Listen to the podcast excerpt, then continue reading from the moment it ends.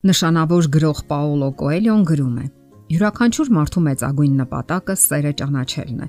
Սեր ոչ թե ուրիշի մեջ, այլ հենց մեր։ Եվ հենց մենք ենք մեր մեջ արտնասնում այն։ Իսկ ահա այն արտնասնելու համար էլ պետք է այդ մյուսը։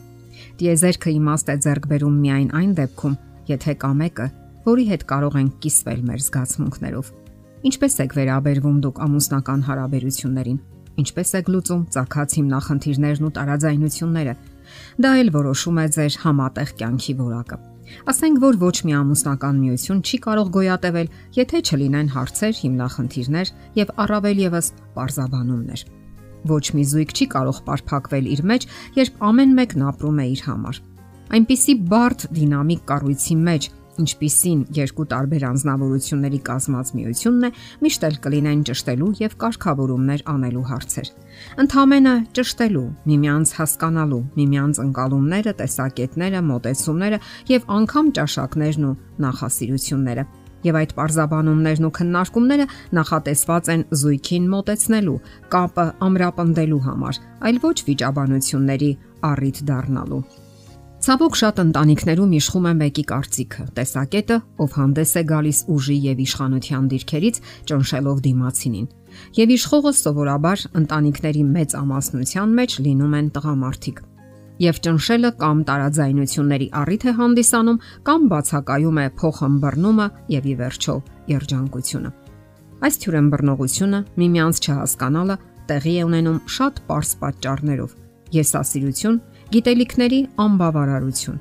բացակայում է միմյանց աշխարհը հասկանալու, ընկալելու ցանկությունը։ Եվ վերջապես հասկանալի է, որ ուզեն թե չուզեն ամուսինները հաճախ են հայտնվում սթրեսային իրավիճակներում։ Այն դրսևորվում է տարբեր ձևերով։ Նրանք կարող են վիճաբանել միմյանց հետ, ուրիշների հետ, Եվ շատ կարևոր է հասկանալ, թե ինչպես են արձագանքում սթրեսային իրավիճակներին կինն ու տղամարդը։ Դա կօգնի խուսափելու ավելորտ բարթացումներից։ Տղամարդն օրինակ, բախվելով հիմնախնդրին, սովորաբար պարփակվում է իր մեջ, այսպես ասած, իր քարանձավում, եւ այնտեղ միայնության մեջ սկսում է մտորել այնքան ժամանակ, ինչև գտնի լուծումը։ Իսկ ահա կանայք բախվելով հիմնախնդրին հավաքվում են մեկտեղ եւ սկսում բարձրաձայն քննարկել իրենց ուզող հիմնախնդիրների ու հուզումների պատճառը։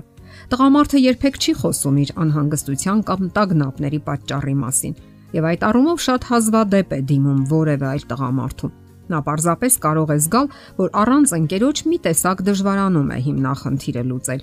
Արդյունքում դառնում է լրակյաց, ամփոփվում, սկսում է վերլուծել իրավիճակը, որpիսի գտնի լուծումը եւ երբ գտնում է լուծումը, մեծ բավականություն է զգում եւ դարձյալ դուրս է գալիս իր միայնության քարանձավից։ Իսկ երբ չի գտնում լուծումը, սկսում է զբաղվել ինչ որ բանով, որpիսի շեղվի հոգսերից։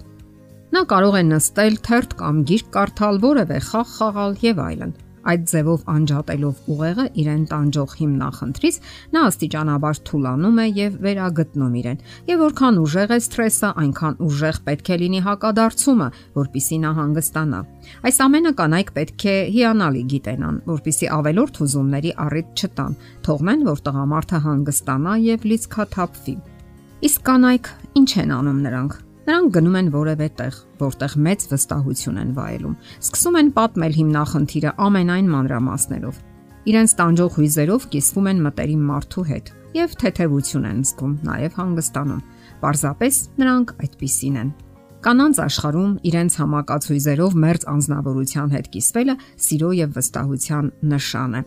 Նրանց համար դա խիստ բնական մի բան է։ Կանայք չեն վախենում կամ չեն ամաչում իրենց հիմնախնդիրները բարձրաձայնելուց։ Նրանք կարիք չունեն ցուցադրելու իրենց մարտական հատկությունները, ինչպես տղամարդիկ։ Նրանք ավելի շատ կարիք ունեն սիրելու եւ սիրվելու։ Նրանք անկեղծորեն կիսվում են իրենց համակած զգացմունքներով, անկախ առիթից՝ ուրախություն է, տխրություն, հուսահատություն թե հոգնածություն։ Կանանց համար լավ է, երբ զգում են, որ ունեն մտերիմ հոգեհարազատ անznավորություն, որի հետ կարող են կիսվել իրենց զգացմունքներով եւ հիմնախնդիրներով։ Իսկ հա տղամարդիկ բավականություն են զգում, երբ իրենք են հաղթահարում հիմնախնդիրը։ Նրանք այդպես ավելի ուժեղ ու խիզախ են թվում իրենց։ Այդպիսին է տղամարդու բնույթը՝ մարտիկ, հաղթող, պայքարող։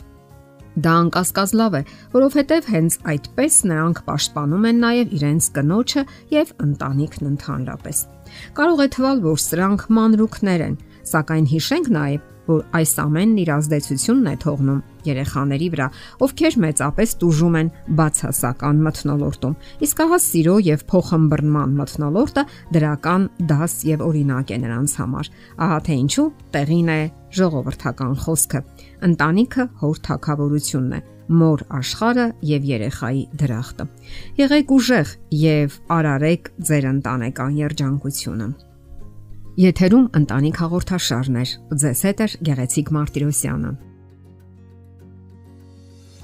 Հարցերի եւ առաջարկությունների համար զանգահարել 033 87 87 87 հեռախոսահամարով։